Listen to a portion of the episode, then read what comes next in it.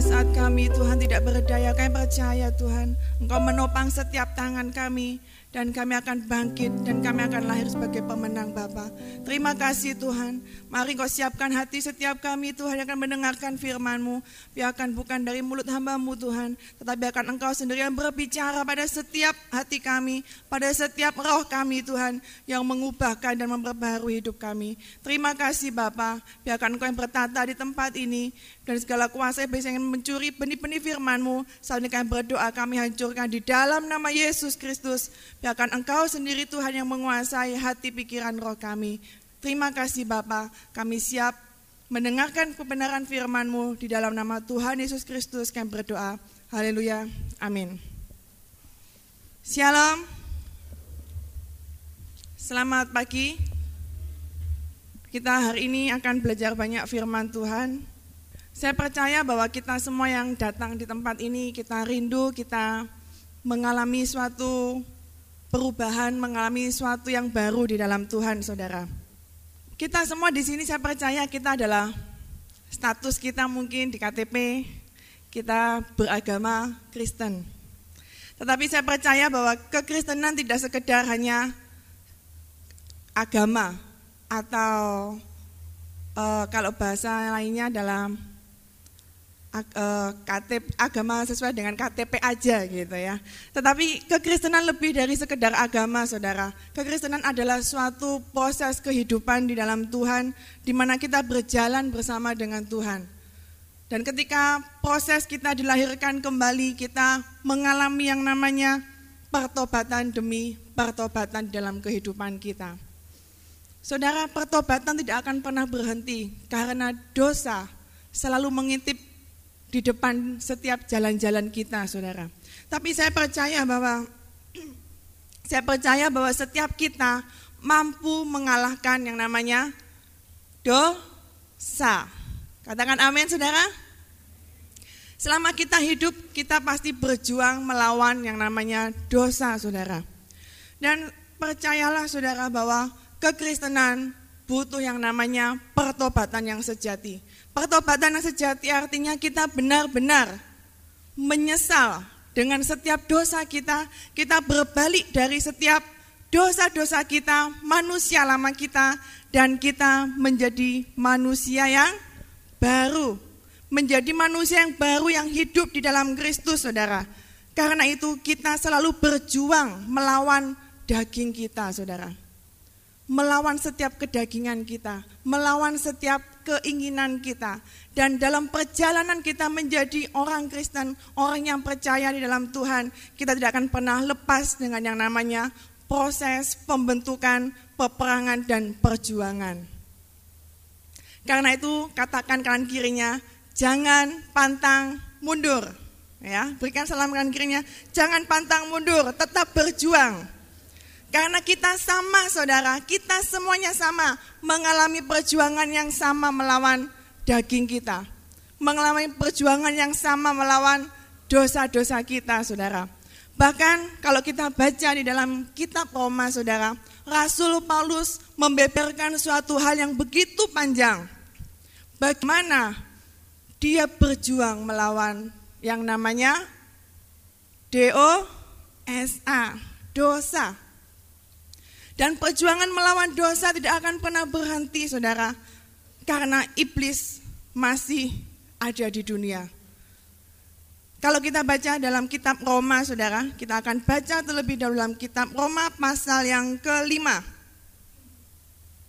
Hari ini kita akan banyak membaca firman Tuhan. Roma pasal yang kelima, kita nggak akan baca semuanya. Kita lihat ayat yang ke-18. Perikop mulai ayat yang ke-12 mengenai Adam dan Kristus. Paulus membeberkan bagaimana perbandingan antara Adam dan Kristus. Ayat yang ke-18 dikatakan, sebab itu sama seperti oleh satu pelanggaran, semua orang beroleh penghukuman. Demikian pula oleh satu perbuatan kebenaran, semua orang beroleh pembenaran untuk hidup. Jadi sama seperti oleh ketidaktaatan satu orang, semua orang telah menjadi orang berdosa. Demikian pula oleh ketaatan satu orang, semua orang menjadi orang yang benar. Nah saudara, Adam, ya kalau kita lihat kejadian satu, kejadian dua, kisah mengenai Adam dan Hawa, bagaimana melalui kejatuhan Adam dan Hawa, maka anak cucunya mengalami atau menerima yang namanya dosa warisan, saudara. Sejak Adam dan Hawa jatuh dalam dosa, maka setiap kita yang lahir, kita sudah ada di dalam tubuh dosa, saudara. Ada di dalam tubuh maut, di mana kecenderungannya adalah berbuat dosa. Kita susah bagaimana melepaskan diri dari tubuh maut, saudara. Tetapi firman Tuhan katakan, dibandingkan dengan Kristus, bahwa melalui Kristus, ketaatan Kristus, dengan satu orang, itu akan membawa semua orang menjadi orang yang benar menjadi orang yang benar. Saudara, kalau kita belajar mengenai konsep pembenaran di dalam Tuhan, bahwa semua orang pada dasarnya adalah orang yang berdosa. Siapa di sini yang merasa tidak pernah berbuat dosa? Orang itu sudah berdosa sebenarnya, karena dia sudah sombong di hadapan Tuhan. Saudara, semua orang sudah berdosa dan sudah telah kehilangan kemuliaan Allah. Tetapi oleh karena Kristus datang ke dunia, dia membebaskan kita dari dosa, membawa suatu pembenaran. Artinya, apa yang dahulu dosa, yang salah, dibuat menjadi benar. Artinya kita sebenarnya tidak benar, tetapi dibuat menjadi benar oleh karena Kristus, saudara. Nah, saudara, kalau kita baca selanjutnya lagi, kita mau lihat selanjutnya, saudara. Ayat yang ke-20, tetapi hukum Taurat ditambahkan supaya pelanggaran menjadi semakin banyak dan di mana dosa bertambah banyak, di sana kasih karunia menjadi berlimpah-limpah. Supaya sama seperti dosa berkuasa dalam alam maut, demikian kasih karunia akan berkuasa oleh kebenaran untuk hidup yang kekal oleh Yesus Kristus Tuhan kita. Saudara, kalau kita tahu apa sih namanya hukum Taurat, ada yang tahu hukum Taurat itu apa, saudara? Hukum Taurat adalah suatu hukum yang ada di dalam perjanjian lama. Yang pada zaman Musa, saudara, sepuluh perintah Allah. Apa aja sepuluh perintah Allah? Ya ada banyak di kitab keluaran saudara. Salah, ada jangan mencuri, jangan mengingini harta milik samamu manusia, jangan apalagi banyak ya. Nah saudara, dari hukum Taurat di situ muncul yang namanya pelanggaran. Kalau kita baca selanjutnya nanti saudara, kita akan lihat bahwa sebenarnya dari hukum Taurat itu muncul yang namanya dosa. Dengan adanya hukum Taurat, orang mengerti, orang tahu, oh itu ternyata berdosa.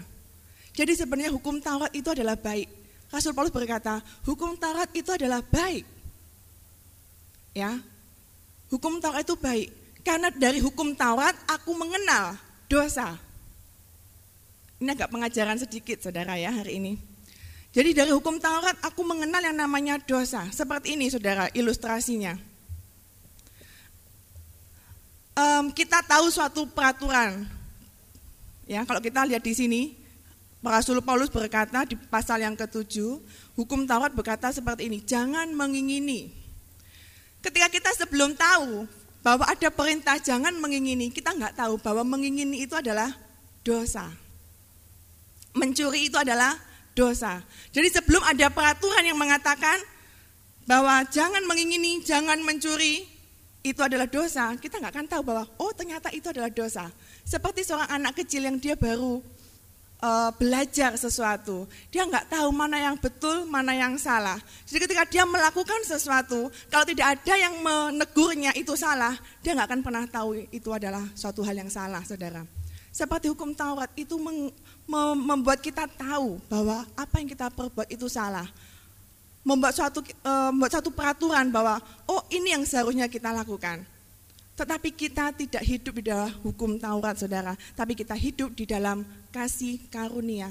Karena hukum Taurat hanya berpatok bahwa keselamatan berdasarkan perbuatan. Kita diselamatkan karena perbuatan kita, bukan karena kasih karunia. Tetapi sejak Yesus datang ke dunia, hukum Taurat disempurnakan. Bahwa Yesus datang ke dunia untuk menggenapi hukum Taurat bahwa kita hidup, kita diselamatkan bukan karena perbuatan, tetapi karena kasih karunia di dalam Yesus Kristus, saudara. Ayat yang ke-20 dikatakan, hukum Taurat ditambahkan supaya pelanggaran menjadi semakin banyak. Ketika banyak aturan-aturan yang kita berikan, maka kita akan merasa, kok pelanggaranku semakin banyak. Saudara mungkin di sini yang ikut dalam satu komunitas atau kita yang mengetahui kebenaran membaca firman Tuhan. Ketika kita semakin baca banyak firman Tuhan, semakin kita banyak belajar. Semakin kita ikut dalam pendalaman-pendalaman Alkitab, kita akan semakin tahu, oh ternyata itu tidak boleh. Oh ternyata itu adalah dosa. Sehingga kita akan merasa, kok pelanggaranku semakin banyak. Pelanggaranku semakin banyak, dosaku ini tambah banyak. Karena kita akan semakin banyak tahu bahwa suatu hal itu salah di hadapan Tuhan.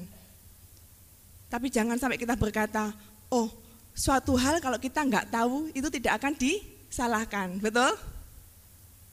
Betul? Ada betul ada tidaknya saudara ya. Kadang ada suatu kejadian ketika orang disetop oleh polisi karena dia melanggar jalan saudara. Dia alasannya apa? Ya, kadang-kadang alasannya apa? Pak, maaf saya tidak sengaja, saya tidak tahu, saya dari luar kota, ya. Saya dari luar kota, saya tidak tahu kok saya tidak boleh lewat jalan ini. Seharusnya lurus tapi saya belok kiri, saya eh, melanggar aturan gitu ya. Seringkali mereka memakai alasan ketidaktahuan dan kadang-kadang kalau polisinya baik, dibebaskan. Ya, bukan berarti ada polisi yang baik dan tidak baik, tapi sebenarnya polisi yang harusnya sesuai dengan hukum saudara. Tapi ada yang berbelas kasihan, ada yang tidak berbelas kasihan, ditangkap, gitu ya, ditilang. Tapi ada juga yang dibebaskan karena ketidaktahuan, saudara. Jangan sampai kita menggunakan ketidaktahuan kita alasan bahwa oh iya saya nggak tahu loh kalau pergaulan uh, perempuan laki-laki itu harusnya seperti itu. Jadi kita menutup telinga kita bahwa kita nggak pengen tahu mengenai kebenaran dengan alasan supaya kita bisa tinggal di dalam dosa, saudara. Jangan sampai kita membiarkan diri kita tertutup. Sudah aku nggak mau banyak ke gereja, aku nggak mau ikut banyak mengerti firman Tuhan supaya nggak bertambah banyak pelanggaranku, supaya aku nggak makin banyak tahu, supaya aku nggak akan semakin tertuduh. Itu salah saudara. Justru dari pengetahuan yang banyak engkau mengerti tentang dosa, engkau mengerti pelanggaran, engkau akan semakin disempurnakan karena engkau belajar berubah, belajar untuk menjadi serupa dengan Kristus. Amin. Saudara, di mana banyak pelanggaran, dosa bertambah banyak, di sana kasih karunia makin berlimpah-limpah. Saudara, kalau kita baca firman Tuhan ini, dosa bertambah banyak, tetapi kasih karunia Tuhan berlimpah-limpahnya. Kasih karunia itu apa saudara? Sesuatu yang kita terima yang seharusnya tidak layak kita terima. Ya, sering kali saudara kita yang masih kuliah atau yang mungkin eh, SMA, semua kita pasti pernah sekolah saudara. Mungkin kita mendapatkan nilai-nilai kasih karunia. Betul? Nilai-nilai kasih karunia. Artinya apa? Loh rasanya saya nggak bisa. Rasanya saya ini salah semua ngerjainnya. Tapi kok tiba-tiba dapat B. Ya, B itu sudah nilai kasih karunia. Karena rasanya nggak bisa, tapi kok dapat nilai B. Itu nilai kasih karunia. Harusnya nggak layak terima, tetapi dia menerima nilai itu, saudara. Itulah kita di hadapan Tuhan. Bahwa kita beroleh kasih karunia yang melimpah-limpah. Nah, saudara, kalau kita lihat ayat yang ke selanjutnya, ayat yang ke, uh, pasal yang keenam, di sini kita akan banyak belajar pengajaran, saudara, karena ini sangat menarik. Apa yang dikatakan oleh Paulus dalam Roma 6 ayat yang pertama, jika demikian, apakah yang hendak kita katakan? Bolehkah kita bertekun dalam dosa supaya semakin bertambah kasih karunia itu? Jadi kalau kita buat suatu persamaan matematika saudara, ya yang ada di dalam ayat 20 tadi, ya dosa plus pelanggaran itu lebih kecil daripada kasih karunia. Bisa dibayangkan? Dosa plus pelanggaran itu tidak samaan ya, lebih kecil dari apa? Kasih karunia. Jadi sebenarnya ketika kita buat dosa, makin banyak dosa kita, dosa masa lalu kita makin banyak, maka kasih karunia Tuhan selalu cukup. Selalu cukup, berlimpah-limpah untuk mengampuni dosa kita, saudara. Jadi jangan pernah ada orang yang berkata, dosaku terlalu banyak. Dosaku terlalu besar sehingga aku tidak mungkin diampuni oleh Tuhan. Aku tidak mungkin bisa dipulihkan Tuhan. Karena dosaku ini sudah orang yang paling jahat sedunia. Orang yang paling jelek sedunia.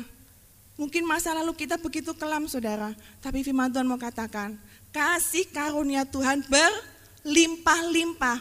Lebih besar daripada setiap pelanggaran, setiap dosa-dosa kita, semerah apa pun dosa kita, dia akan memutihkan kita seperti salju.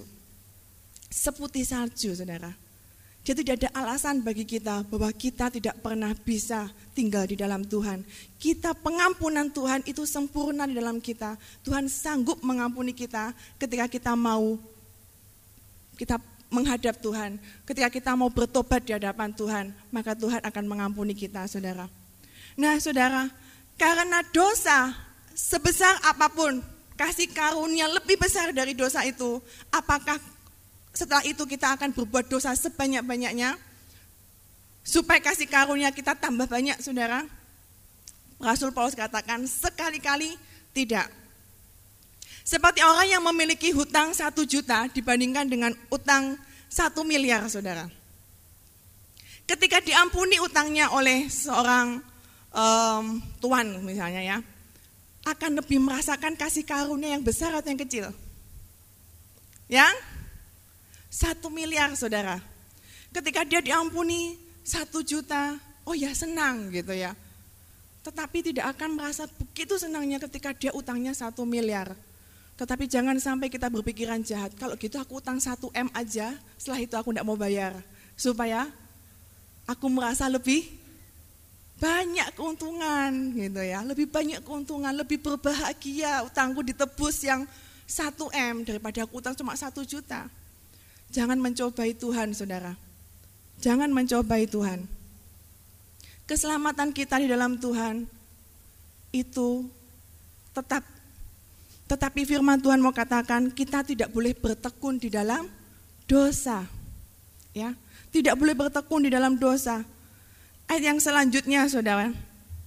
Ayat yang kedua kita akan baca bergantian aja mulai ayat yang kedua saudara ayat yang ketiga dan selanjutnya. Sekali-kali tidak, bukankah kita telah mati bagi dosa? Bagaimanakah kita masih dapat hidup di dalamnya? Ayat yang ketiga.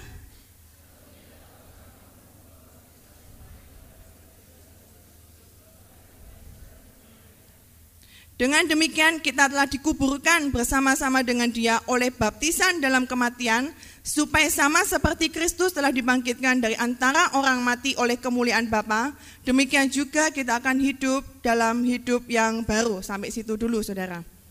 Ayat yang kedua, sekali-kali tidak, bukankah kita telah mati bagi dosa? Saudara, apa ciri-ciri yang menunjukkan bahwa seseorang sudah mengalami pertobatan yang sesungguhnya?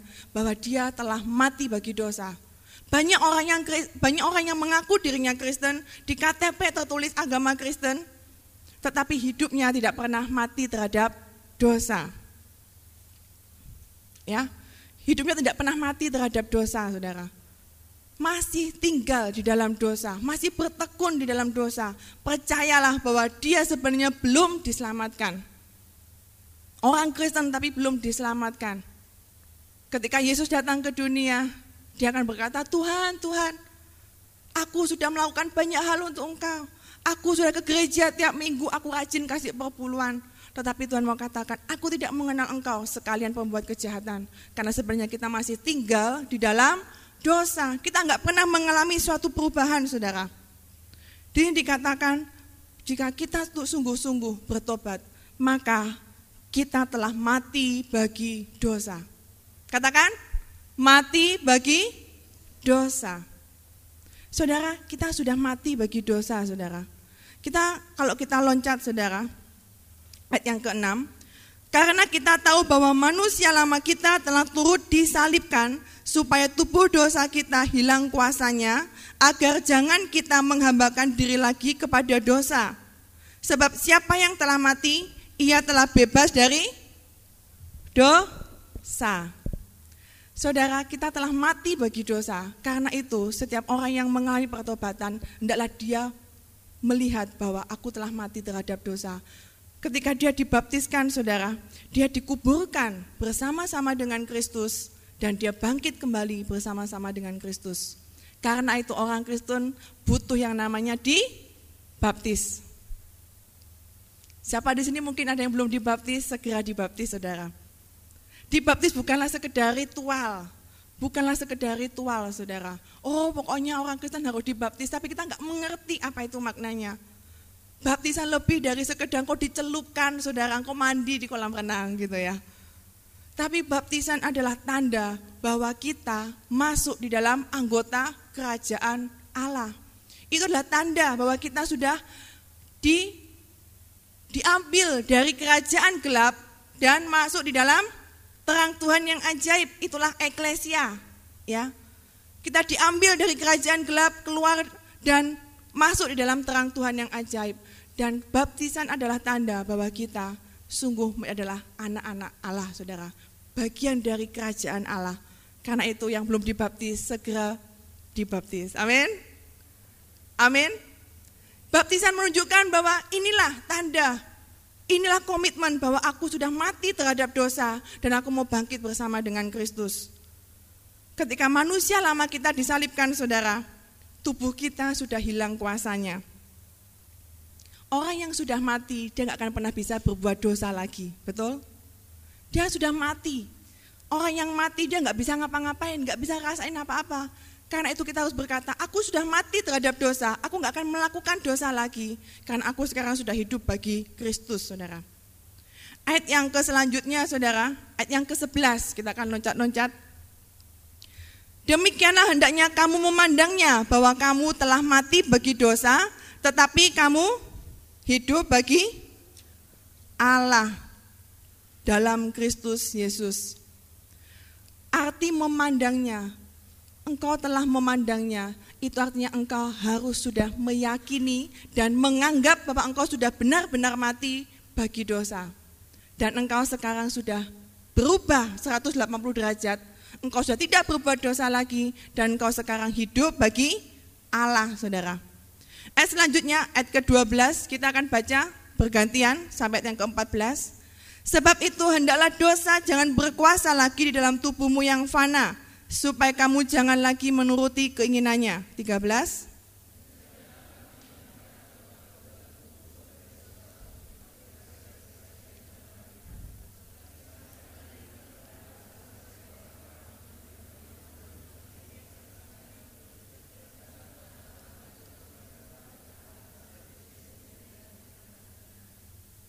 Ya, sebab kamu tidak akan lagi dikuasai oleh dosa, karena kamu tidak berada di bawah hukum Taurat tetapi di bawah kasih karunia. Saudara, saya percaya bahwa kita bisa meninggalkan setiap dosa-dosa kita, saudara. Kekristenan itu butuh yang namanya pertobatan. Pertobatan yang sejati meninggalkan setiap dosa-dosa kita. Janganlah dosa berkuasa lagi dalam tubuhmu yang fana, supaya jangan lagi engkau menuruti keinginannya. Jangan menuruti lagi keinginannya. Dosa itu memiliki sifat yang mengikat dan setiap orang yang otomatis dia sudah terkontaminasi dengan namanya dosa. Manusia sejak dia kecil, sejak dia lahir, dia akan cenderung berbuat dosa. Walaupun dia nggak tahu apa itu salah, apa itu benar, tapi dia cenderung yang namanya berbuat dosa, saudara. Karena itu sudah ada di dalam hukum do, hukum daging, hukum tubuh kita. Karena itu jangan menyerahkan anggota tubuhmu kepada dosa untuk dipakai sebagai senjata kelaliman, sebagai senjata kejahatan, tetapi biarlah dipakai sebagai senjata kebenaran. Setelah kita bertobat saudara, kita harus menyerahkan tubuh kita kepada Kristus. Artinya setiap mata kita, apa yang kita lihat, mata kita kita gunakan untuk firman Tuhan, untuk kebenaran firman Tuhan, untuk kerajaan Allah. Kita belajar memilih-milih apa yang kita lihat, saudara. Ya, memilih majalah-majalah yang baik yang kita lihat, koran-koran berita yang baik yang kita lihat. Tapi dosa cenderung membawa kita memakai alat tubuh kita sebagai senjata-senjata kejahatan yang membawa kita kepada dosa. Kepenginnya lihat majalah-majalah yang 17 tahun ke atas. Ya. Nah, Saudara, internet cenderung mencari hal-hal yang tidak baik. Nah, inilah kecenderungan dosa, bawaan dari dosa. Saudara, ketika kita hidup di dalam Tuhan, kita berkata, aku telah mati terhadap dosa, dan aku menyerahkan anggota tubuhku dipakai sebagai senjata kebenaran. Aku mau dipakai Tuhan, aku mau tanganku dipakai, kakiku dipakai untuk melayani Tuhan. Karena itu saudara, hasil, uh, hasilkanlah buah yang sesuai dengan pertobatan di dalam kitab Matius. Hasil karena buah yang sesuai dengan pertobatan. Setiap orang yang bertobat, dia pasti mengalami yang namanya pertumbuhan. Dan pertumbuhan itu akan menghasilkan yang namanya buah. Jadi jika engkau sudah menjadi orang Kristen berapa tahun, atau berapa bulan, atau berapa puluh tahun, tetapi kita tidak pernah mengalami yang namanya pertobatan dan pertumbuhan yang menghasilkan buah, maka sebenarnya kita belum mengalami yang namanya pertobatan yang sejati, saudara. Dan percayalah orang yang tidak mengalami pertobatan, di dalam kitab Matius dikatakan, kapak sudah tersedia untuk memotong pohon itu dan akan dibuang ke dalam api, saudara. Artinya mereka tidak akan pernah mendapatkan keselamatan di dalam Tuhan. Saudara, nggak semua orang Kristen selamat. Kenapa? Karena dia masih tinggal di dalam dosa. Dia tidak mati di dalam dosa, tetapi dia masih hidup bertekun di dalam dosa. Walaupun dia mengaku bahwa aku percaya kepada Yesus. Cuma sekedar di mulut tetapi tidak di hati dan tidak di dalam perbuatannya saudara. Saudara, kita mau lihat selanjutnya. Kita akan loncat-loncat karena di sini banyak sekali kita akan lihat bagaimana pergumulan Paulus, saudara. Kalau tadi kita katakan di depan, Paulus berkata, kita hendaknya mati bagi dosa. Seharusnya orang yang percaya kepada Yesus dengan sungguh-sungguh mengalami pertobatan yang sejati, seharusnya dia menjadi hamba Tuhan. Kalau kita lihat dua macam perhambaan selanjutnya, itu artinya kita menjadi hamba Allah di bawah hukum Allah atau di bawah hukum dosa, saudara. Karena itu dia katakan, Rasul Paulus dalam Roma 6 ayat yang ke-23, sebab upah dosa ialah maut, tetapi kasih karunia Allah ialah hidup yang kekal dalam Kristus Yesus Tuhan kita. Paulus mau menekankan bahwa, menekankan sekali lagi, ingatlah bahwa upah dosa ialah maut. Tetapi Kasih karunia Allah adalah hidup yang kekal. Saudara, upah dosa ialah maut. Tetapi Paulus mau katakan sekali lagi, aku tahu bahwa upah dosa itu adalah maut, tetapi aku bergumul di dalam tubuhku yang fana ini, bagaimana aku berjuang melawan dosa. Saudara, kenapa kekristenan kita sering kali kita jatuh bangun di dalam dosa? Saya percaya bahwa Rasul Paulus dia juga mengalami suatu pergumulan. Bagaimana dia mengalahkan dosa itu, saudara? Kalau kita lihat selanjutnya, pasal yang ke-7. Kita mau lihat pasal yang ke-7, ayat yang ke-13. Kita akan baca bergantian, saya baca yang ke-13, saudara selanjutnya. Jika demikian, adakah yang baik itu menjadi kematian bagiku? Sekali-kali tidak, tetapi supaya nyata bahwa ia adalah dosa, maka dosa mempergunakan yang baik untuk mendatangkan kematian bagiku, supaya ada perintah, itu dosa lebih nyata lagi keadaannya sebagai dosa. 14.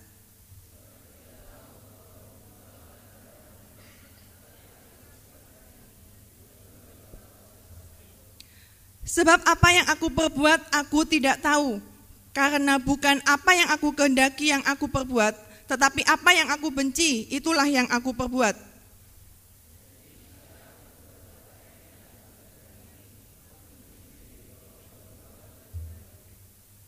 Kalau demikian, bukan aku lagi yang memperbuatnya, tetapi dosa yang ada di dalam aku.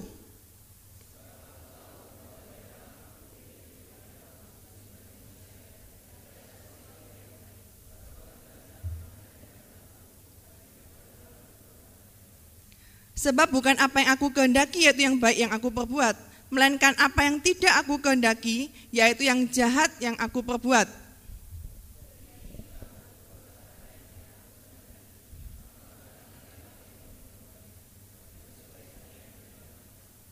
Demikianlah aku dapati hukum ini. Jika aku menghendaki berbuat apa yang baik, yang jahat itu ada padaku.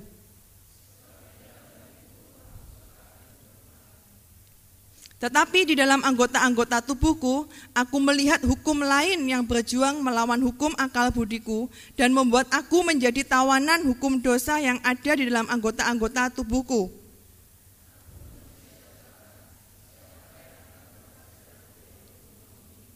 Syukur kepada Allah oleh Yesus Kristus Tuhan kita.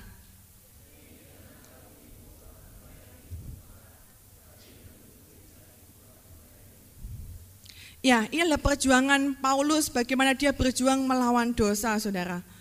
Di sini dikatakan bahwa dosa itu begitu seperti sudah melekat di dalam tubuh manusia, saudara. Karena kita pada dasarnya daging, yaitu tubuh kita, Manusia terdiri dari apa saudara? Roh, jiwa, dan tubuh. Roh, jiwa, dan tubuh. Ketika kita bertobat, ketika kita percaya kepada Yesus dengan sungguh-sungguh saudara, saya percaya bahwa kita sebenarnya sudah dipulihkan hubungan roh kita dengan Tuhan. Dosa itu memisahkan roh kita dengan Tuhan kita nggak bisa komunikasi dengan Tuhan. Tetapi ketika kita mau kembali kepada Tuhan, maka roh kita dipulihkan dan di sinilah perjuangan itu mulai muncul, saudara. Ketika kita sudah berkata, aku mati terhadap dosa. Tetapi kenapa? Ketika kita sudah bertobat, kita sudah mengakui Yesus, kita sudah berjalan bersama dengan Tuhan, kita masih berjuang melawan dosa-dosa kita. Padahal kita sudah berkata, aku mau mati terhadap dosa. Tadi yang kita katakan bahwa hendaklah engkau memandangnya telah mati bagi dosa. Artinya engkau harus senantiasa berkata bahwa aku sudah mati. Karena apa? Dosa masih bisa engkau lakukan saudara. Karena itulah pergumulan Paulus. Aku ini kepengen berbuat apa yang baik. Berbuat seperti apa yang rohku inginkan. Yaitu hukum. Kalau dikatakan itu hukum akal budi Hukum akal budi itulah hukum di mana kesepakatan antara kita, roh kita dengan roh Tuhan, saudara. Tetapi apa yang kita lakukan bahwa kita senantiasa berjuang untuk melawan hukum dosa, yaitu hukum, yaitu tubuh kita yang dikuasai oleh daging, dikuasai oleh iblis, dikuasai oleh dosa. Jadi tubuh ini saudara itu sudah dikuasai oleh dosa. Seperti ketika anak yang lahir, dosa-dosa keturunan, itu sudah banyak melekat di dalam tubuh kita. Karena itu perjuangan kita melawan dosa, itu senantiasa terus kita alami saudara. Ya, Nah, saudara, sampai Paulus berkata, "Aku manusia celaka. Siapa akan melepaskan aku dari tubuh maut ini?" Tubuh ini adalah tubuh yang fana, saudara. Dan saya percaya bahwa ketika seorang setelah dilepaskan dari tubuh ini, dia akan mengalami suatu kebebasan. Karena dia sudah lepas dari namanya hukum dosa. Karena itu tubuh ini harus mengalami yang namanya kematian, saudara. Jadi jangan seorang di antara kita yang takut dengan namanya kematian. Amin. Ada yang takut mati, saudara? Ada yang takut mati? Enggak berani ya, takut mari gini ke, apa, ketabrak kucing gitu nanti ya setelah pulang ya. Nah saudara, kematian itu sebenarnya adalah, malah kematian itu adalah pertemuan awal kita bersama-sama dengan Tuhan saudara. Kita akan bertemu ya dengan Tuhan. Saudara jangan takut dengan namanya kematian. Orang yang takut dengan kematian itu adalah orang-orang yang merasa bahwa dirinya tidak aman karena dia belum diselamatkan, saudara. Orang yang yakin bahwa dia sudah tinggal di dalam Tuhan, yang sudah yakin bahwa dia diselamatkan, dia tidak akan takut dengan yang namanya kematian. Karena kematian hanya memisahkan tubuh kita ini, saudara. Tetapi roh kita akan bersatu dengan Tuhan. Kita akan bertemu dengan Tuhan. Justru Paulus mau berkata, aku tak aku bingung antara aku mau mati atau aku hidup. Justru Paulus waktu itu dia berkata pernah dalam suatu uh, kitab dia katakan bahwa apa yang aku pilih, aku mau mati, aku senang. Tetapi aku juga bingung apakah aku harus hidup. Jadi itu adalah suatu hal yang biasa. Sehingga Paulus katakan, kalaupun aku mati, aku mau mati untuk Tuhan. Dan kalaupun aku hidup, aku mau hidup untuk Tuhan. Untuk menghasilkan buah. Karena itu saudara, selama kita masih hidup dalam dunia ini, itu adalah suatu kesempatan bagi kita untuk kita menghasilkan buah. Kekristenan tidak sekedar agama, tapi kekristenan adalah suatu buah yang kita hasilkan, saudara. Buah yang kita hasilkan. Ya, kalau pengajaran dasar kita ada tiga buah, yaitu apa, saudara? Sudah diajarkan semua? Buah apa? Buah pertobatan, buah pelayanan, buah jiwa. Buah-buah yang harus kita hasilkan, saudara. Buah pertobatan. Sudahkah kita sungguh-sungguh bertobat di dalam Tuhan? Mati bagi dosa. Sudahkah kita melayani Tuhan dengan anggota-anggota tubuh kita yang sudah kita serahkan kepada Tuhan? Dan dari pelayanan kita, sudahkah kita menghasilkan jiwa-jiwa untuk Kristus, untuk kerajaan Allah? Saudara, saya percaya perjuangan kita sama. Perjuangan kita sama melawan dosa, melawan tubuh dosa, melawan hukum dosa yang ada di dalam tubuh kita, saudara. Tetapi firman Tuhan mau katakan, syukur kepada Allah oleh Yesus Kristus Tuhan kita. Jadi dengan akal budi, aku melayani hukum Allah, tetapi dengan tubuh insaniku aku melayani hukum dosa. Jangan berarti ini disalah artikan, oh kalau gitu aku melayani hukum dosa, artinya aku boleh berbuat dosa sebanyak sebanyak-banyaknya. Bukan saudara, artinya dia mau katakan bahwa dengan akal budi itu adalah dari rohnya bersama dengan roh Tuhan, itu dia mau mengikuti Tuhan, mau mengikuti kehendak Tuhan. Tetapi tubuh kita, tubuh maut ini saudara, itu melayani tubuh dosa dan nantinya kita akan dipisahkan saudara. Tubuh ini akan dipisahkan dengan kematian. Ya. Nah saudara, selanjutnya ayat yang ke-8, oh pasal yang ke-8. Demikianlah sekarang tidak ada lagi penghukuman bagi mereka yang ada di dalam Kristus. Roh yang memberi hidup telah memerdekakan kamu dalam Kristus dari hukum dosa dan hukum maut. Sebab apa yang tidak mungkin dilakukan hukum Taurat karena tidak berdaya oleh daging telah dilakukan oleh Allah dengan jalan mengutus anaknya sendiri dalam daging yang serupa dengan daging yang dikuasai dosa karena dosa, ia telah menjatuhkan hukuman atas dosa dalam daging. Apa itu artinya saudara? Ya, hari ini kita banyak pengajaran, belajar meneliti firman Tuhan saudara. Nah, apa artinya bahwa di sini Sebenarnya kita tidak akan pernah bisa yang namanya melawan dosa, melawan hukum daging kita. Tetapi sebenarnya kalau Rasul Paulus itu tidak tidak berhenti sampai di pasal 7 Saudara. Ada pasal ke-8 yang mengatakan bahwa sebenarnya kita bisa mematahkan setiap kedagingan kita. Seringkali kita hanya selesai di ayat ke-24, aku manusia celaka, gitu ya. Apa yang aku kehendaki itu yang tidak aku perbuat, malah apa yang tidak aku kehendaki itu yang aku perbuat, itu yang sering kali kita utamakan di dalam di dalam um, ingatan kita. Kita tidak membaca ayat selanjutnya, saudara, bahwa sebenarnya Allah telah mengutus Yesus Kristus anaknya yang tunggal untuk lahir ke dunia sebagai daging. Sebagai tubuh daging, saudara. Yang akhirnya bisa membebaskan, kalau kita lihat bahwa Yesus ketika dia lahir sebagai daging, dia bisa hidup tanpa dosa. Artinya kita percaya bahwa ketika kita hidup di dalam roh, kita bisa hidup tanpa dosa, saudara. Bisa hidup tanpa berjuang, kita tetap berjuang saudara, tapi kita bisa disempurnakan di dalam Tuhan. Selanjutnya, sebab ayat yang kelima, mereka yang hidup menurut daging memikirkan hal-hal yang dari daging. Mereka yang hidup menurut roh memikirkan hal-hal yang dari roh. Karena keinginan daging adalah maut, tetapi keinginan roh adalah hidup dan damai sejahtera. Sebab keinginan daging adalah perseteruan terhadap Allah karena ia tidak takluk kepada hukum Allah. Hal ini memang tidak mungkin baginya. Mungkin mereka yang hidup dalam daging tidak mungkin berkenan kepada Allah. Saudara, mereka hidup dalam daging tidak mungkin berkenan di hadapan Allah. Apa yang selama ini kita lakukan di dalam hidup kita, saudara? Di dalam proses hidup kita sampai saat ini, apakah kita hidup memikirkan hal-hal dari daging?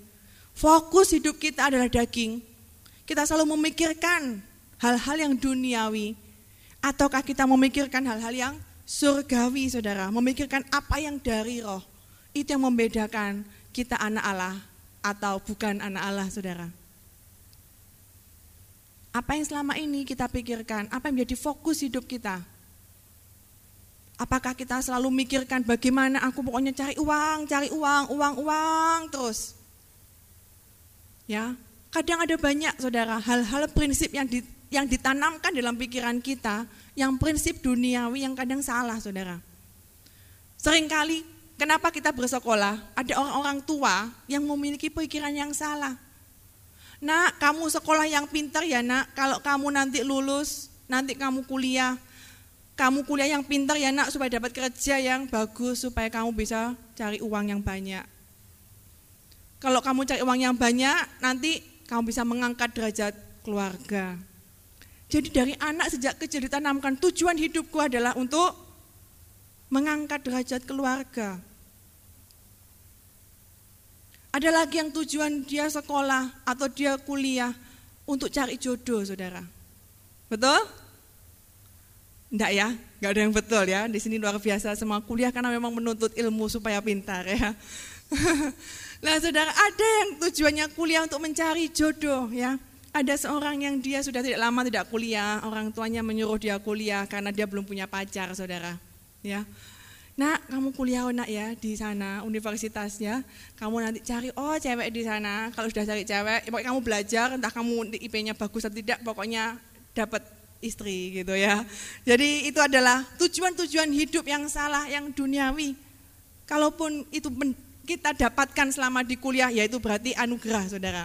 Itu adalah tambahan.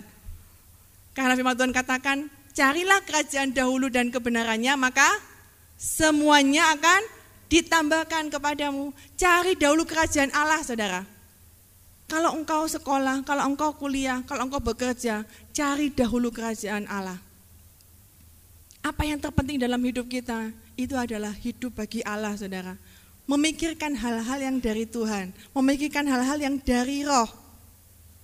Karena roh itulah hidup dan damai sejahtera, tapi keinginan yang dari daging itu adalah akhirnya adalah maut, saudara.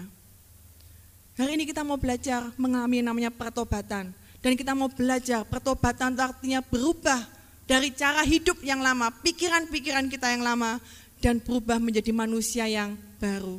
Dan saya percaya bahwa kita mati terhadap dosa itu adalah satu proses. Yang penting adalah bagaimana engkau mau tinggal di dalam Tuhan, saudara. Dan proses itu akan mulai terjalan, mulai berjalan di dalam kehidupan perjalanan kita, saudara. Saudara, orang yang sudah bertobat dari dosa-dosa yang lama, itu seperti ilustrasinya seperti ini, saudara. Selama kita masih kecil, waktu kita masih kecil, sampai kita sekarang itu seperti kita seperti dalam sebuah botol. Hidup kita ini seperti ada sebuah botol dan setiap apa yang terjadi dalam hidup kita itu adalah seperti kawat ya. Kawat yang dimasukkan dalam botol terus-menerus. Bisa dibayangkan ya? Jadi kita hidup kita seperti botol yang dari sejak kecil pengalaman masa lalu, mungkin trauma, mungkin apa pun pengalaman-pengalaman kita, ada yang baik, ada yang buruk, saudara, itu seperti botol yang diberikan kawat, yang dimasukkan terus sampai akhirnya kawat itu berbentuk seperti botol. Ketika botol itu di uh, disobek, dipisau, disobek, bisa disobek, digunting gitu ya, digunting plastiknya, karena botol kaca atau botol kaca dipecah gitu ya maka kawat itu akan tetap berbentuk seperti botol. Ketika ikatan dosa, ketika tubuh kita, saudara, kita sudah dibebaskan gitu ya, kita sudah merasa, oh aku ini sudah bertobat, aku percaya kepada Yesus, aku mengalami proses kelahiran baru. botol dipecahkan saudara. Tetapi kawat-kawat itu tetap bentuknya seperti botol. Karena itu yang namanya kelahiran baru, yang namanya pertobatan, itu adalah suatu proses bagaimana kawat-kawat yang bentuknya seperti botol yang ada di dalam manusia lama, seperti di dalam dosa, itu harus diulur satu persatu, dibenahi satu persatu supaya menjadi lurus kembali, saudara. Itu adalah suatu proses. Yang penting artinya engkau mau dipecahkan, tubuh dosa kita mau dipecahkan, dan kita mau dibentuk, diulur satu persatu. Prosesnya yang panjang. Semakin banyak kawat-kawat itu, maka semakin banyak pula proses yang harus kita lalui, saudara. Nah, maukah kita diproses oleh Tuhan? Maukah botol lama kita dipecahkan? Dan kita mau diubah menjadi botol yang baru, bentuk yang baru sesuai dengan kehendak Tuhan, saudara pikiran-pikiran kita yang lama, pikiran-pikiran kita duniawi harus dipecahkan dan diganti dengan pikiran-pikiran yang baru. Apa yang ditanamkan di dalam pikiran kita sejak kita masih kecil, saudara? Itu akan membentuk karakter kita, akan membentuk pola pikir kita. Saudara, kenapa kita belum bisa dipulihkan secara total walaupun kita sudah bertobat di dalam Tuhan? Itu karena manusia terdiri dari roh, jiwa, dan tubuh roh, jiwa, dan tubuh. Roh kita sudah dibebaskan, tetapi jiwa dan tubuh kita mungkin belum dibebaskan. Tubuh kita tadi masih tinggal di dalam dosa, tubuh kita masih dalam hukum dosa yang akan dibebaskan di dalam kematian, saudara. Kecenderungan berbuat dosa selama kita masih ada di dalam tubuh kita ini. Tapi yang perlu kita pulihkan adalah jiwa kita, saudara. Jiwa kita, yang emosi kita yang perlu dipulihkan. Kawat diambil satu persatu. Pikiran-pikiran yang lama mulai dibenahi, saudara. Karena itu butuh yang namanya pengajaran firman Tuhan. Jadi jangan bosan-bosan ya dengar pengajaran di Rekom. Wah kok lama gitu ya Rekomnya ya. Kok lama sekali ya? Karena kita butuh yang namanya firman Tuhan. Nah saudara, butuh yang namanya komunitas. Saudara, apa yang bisa membantu pertumbuhan dan pertobatan kita? Yaitu adalah komunitas salah satunya. Karena itu di sini kita semuanya harus ikut komunitas, Recom, Revival Community ya. Ikutlah dalam komunitas saudara. Di sana kita akan belajar sama-sama firman Tuhan. Belajar-belajar kita akan bagaimana itu mengalahkan dosa. Kita punya teman, kakak pembimbing untuk membantu kita mendoakan saudara. Nah saudara, ayat yang keselanjutnya, ayat yang terakhir saudara, ke-13, Roma 8 ayat 13. Sebab jika kamu hidup menurut daging, kamu akan mati. Tetapi jika oleh roh kamu mematikan perbuatan-perbuatan tubuhmu, kamu akan hidup. Semua orang yang dipimpin roh Allah adalah anak Allah. Sebab kamu tidak menerima roh perbudakan yang membuat kamu menjadi takut lagi, tetapi kamu telah menerima roh yang menjadikan kamu anak Allah. Oleh roh itu kita berseru, ya Aba, ya Bapa. Roh itu bersaksi bersama-sama dengan roh kita bahwa kita adalah anak-anak Allah. Dan jika kita adalah anak, maka kita juga adalah ahli waris. Maksudnya, orang-orang yang berhak menerima janji-janji Allah yang akan menerimanya bersama-sama dengan Kristus, yaitu jika kita menderita bersama-sama dengan Dia, supaya kita juga dipermuliakan bersama-sama dengan Dia. Nah, saudara, bagaimana kita bisa mengalahkan dosa? Bagaimana kita bisa dipulihkan? yaitu kita harus tinggal di dalam roh. Roh kudus itu diam di dalam diri kita dan kita harus selalu dipenuhi dengan roh kudus. Dipenuhi dengan roh kudus bukan berarti engkau harus bisa berbahasa roh. Itu artinya, oh kalau bahasa roh itu berarti dipenuhi roh kudus. Enggak. Aliran-aliran hati kita, hidup kita tuh penuh dengan roh kudus, saudara. Sehingga apa yang kita lakukan, kita sadar terhadap dosa dan kita sadar bahwa kita sudah mati terhadap dosa, sehingga kita akan merasa muak melihat dosa. Ketika kita tinggal dalam roh, kita akan jijik dengan namanya dosa. Kita akan sudah benci yang namanya dosa. Dosa itu makan apa? Udah nggak tertarik lagi, saudara. Ketika kita tinggal dalam roh Allah, kita akan tidak akan bisa berbuat dosa. Kan apa? Roh itu akan membantu kita sehingga aku sudah rasanya dulu kok biasa ya berbohong itu adalah hal yang biasa. Tapi ketika kita lahir baru di dalam Tuhan, kita akan merasakan bahwa berbohong itu adalah suatu hal yang tidak enak. Kalau dulu bohong tuh enak, menyenangkan. Sepertinya kok suatu kenikmatan tersendiri gitu ya, bisa mengerjain orang. Ya, rasanya kalau bisa membohongi orang itu bangga gitu ya. Tetapi ketika kita tinggal dalam Tuhan, berbohong itu merasa ada sesuatu yang gak enak, saudara. Dan kita akan merasa, ya aku sudah berdosa. Ya, saudara, semua orang yang dipimpin oleh Roh Allah adalah anak Allah. Dan seorang anak dia akan menerima ahli waris kerajaan Allah, menerima janji-janji Allah. Ketika engkau tinggal di dalam Allah, engkau mau hidup di dalam Allah, engkau akan menerima janji-janji Allah, saudara. Apa janji Allah dalam hidupmu? Percayalah saudara, engkau adalah anak-anak yang dikasihi Tuhan. Tuhan memberikan janji yang luar biasa dalam hidupmu. Tuhan memiliki rencana master plan yang luar biasa dalam hidupmu. Tetapi hiduplah bersama dengan Allah. Jangan hidup menurut daging, hiduplah menurut roh. Tanggalkan setiap dosa-dosa, pikiran-pikiran lama. Manusia lama kita buang. Kita mau menjadi manusia baru, menjadi anak-anak Allah yang akan menerima ahli waris kerajaan Allah, tetapi ada syaratnya saudara. Apa syaratnya? Yaitu jika kita menderita bersama-sama dengan dia. Seorang anak dia akan menjadi ahli waris jika dia menderita bersama dengan Tuhan. Artinya apa? Engkau mau dibentuk oleh Tuhan. Engkau mau menderita di dalam dunia ini. Karena apa? Ketika engkau ikut Yesus, engkau mati terhadap dosa, pasti ada yang namanya konsekuensi yang harus kita tanggung. Ketika engkau dalam pekerjaan, engkau tidak damai karena engkau harus manipulasi. Ketika engkau tidak tinggal dalam dosa lagi, engkau mau bertobat, Tuhan, aku mau jadi manusia baru, aku mau hidup dalam pekerjaan yang bersih. Konsekuensinya engkau mungkin harus dipecat dari perusahaan. Engkau harus cari kerja lagi di tempat yang lain dengan gaji yang mungkin lebih kecil. Banyak hal konsekuensi harus kita alami, saudara. Mungkin yang masih kuliah, konsekuensi apa? Kan engkau nggak mau dititipin absen, ya biasa kan TA TA gitu ya mungkin yang maharu mungkin harus belajar mengenal istilah yang baru. Titip absen TA gitu ya. Oh kalau nggak mau TA kita dianggap nggak setia kawan. Itu adalah hal yang biasa. Ya dulu saya juga sering mau dititipin TA saya nggak mau ya.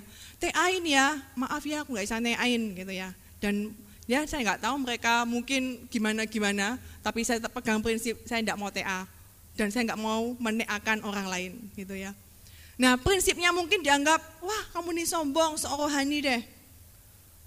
Ya, ayo contekin dong waktu UTS. Ya, yang mungkin yang kuliah sebentar lagi mau UTS, mau ujian. Kasih dong jawabannya, kita nggak mau. Mungkin akan dianggap dikucilkan mungkin. Itu konsekuensi ketika kita tinggal di dalam Tuhan. Tetapi ketika kita menderita bersama-sama dengan Tuhan, maka janji-janji Allah sebagai anak-anak Allah, ahli waris kerajaan Allah akan diberikan. Amin. Jangan takut yang namanya dengan manusia. Tapi takutlah kepada Allah. Amin. Ya, kita selesai, kita mau berdoa bersama-sama.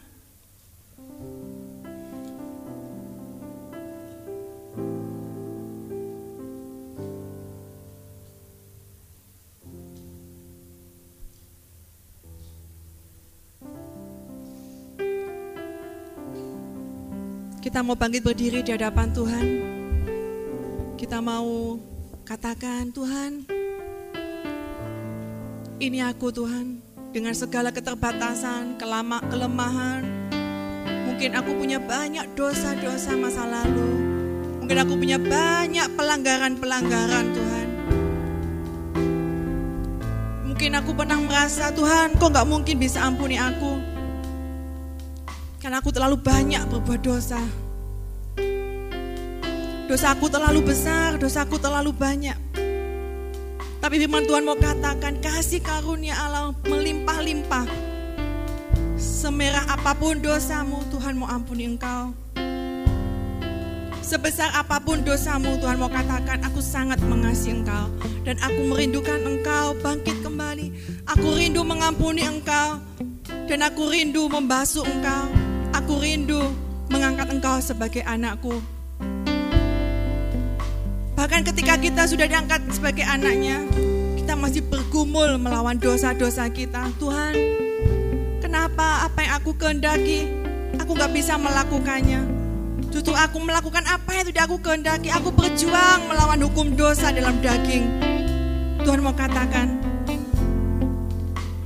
Aku telah mengutus anakku yang tunggal Yesus Kristus untuk membebaskan engkau. Yesus telah datang sebagai daging untuk membuktikan bahwa engkau bisa bebas dari hukum dosa. Walaupun engkau masih bergumul, bergumul melawan dosa. Aku sanggup membebaskan engkau. Aku sanggup memulihkan engkau. Aku sanggup memulihkan masa lalumu.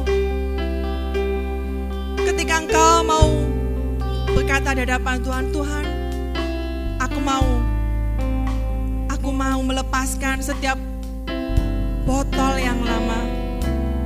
Aku mau, mau Tuhan, aku mau melepaskan setiap manusia lamaku.